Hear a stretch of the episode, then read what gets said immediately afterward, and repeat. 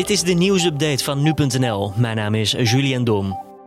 Het aantal inwoners van Nederland blijft verder stijgen. Vanaf 2063 wonen er naar verwachting 20 miljoen mensen in ons land. Dat stelt het Centraal Bureau voor de Statistiek.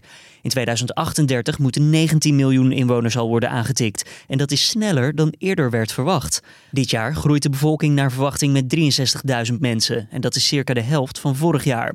Deze relatief lage groei komt door de coronapandemie, al dus het CBS. Ondanks die daling trekt de groei daarna toch snel weer bij.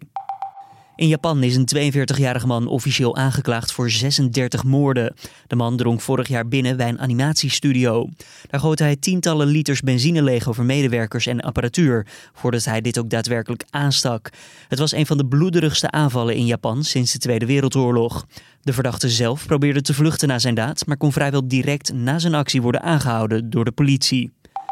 De Amerikaanse president-elect Joe Biden heeft Pete Buttigieg gevraagd om minister van Transport te worden. Buttigieg was de concurrent van Biden in de strijd om de presidentskandidatuur namens de Democratische Partij. Via Twitter zegt de 38-jarige politicus vereerd te zijn met het verzoek van Biden. Vakantieparken in Nederland krijgen sinds de strenge lockdown van dinsdag veel vragen over de maximale groepsgrootte. Voor bestaande boekingen wordt gekeken hoe dit opgelost kan worden.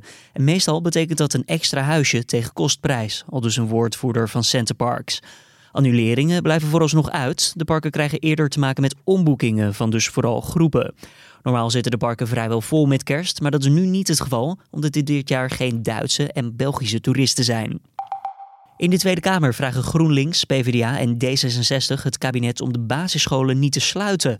Of ze in ieder geval eerder dan de geplande datum van 18 januari te openen.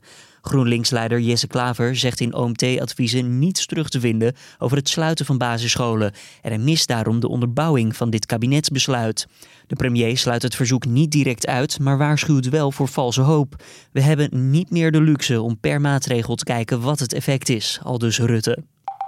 Het is weer onrustig geweest op Urk. Jongeren hebben dinsdag meerdere malen de stekker van een coronatestbus uit een elektrische laadpaal getrokken. Medewerkers die de jongeren op hun gedrag aanspraken, werden bekogeld met vuurwerk. De Urkse wethouder Freek Brouwer laat zich bij Omroep Flevoland boos uit over het gedrag van de jongeren. Nou ja, dat gaat echt heel ver. Maar ik bedoel, het gaat wel om de veiligheid van, uh, van de mensen die daar werken. En die moeten juist, juist in, uh, in zo'n situatie moet je ongestoord uh, dat kunnen doen.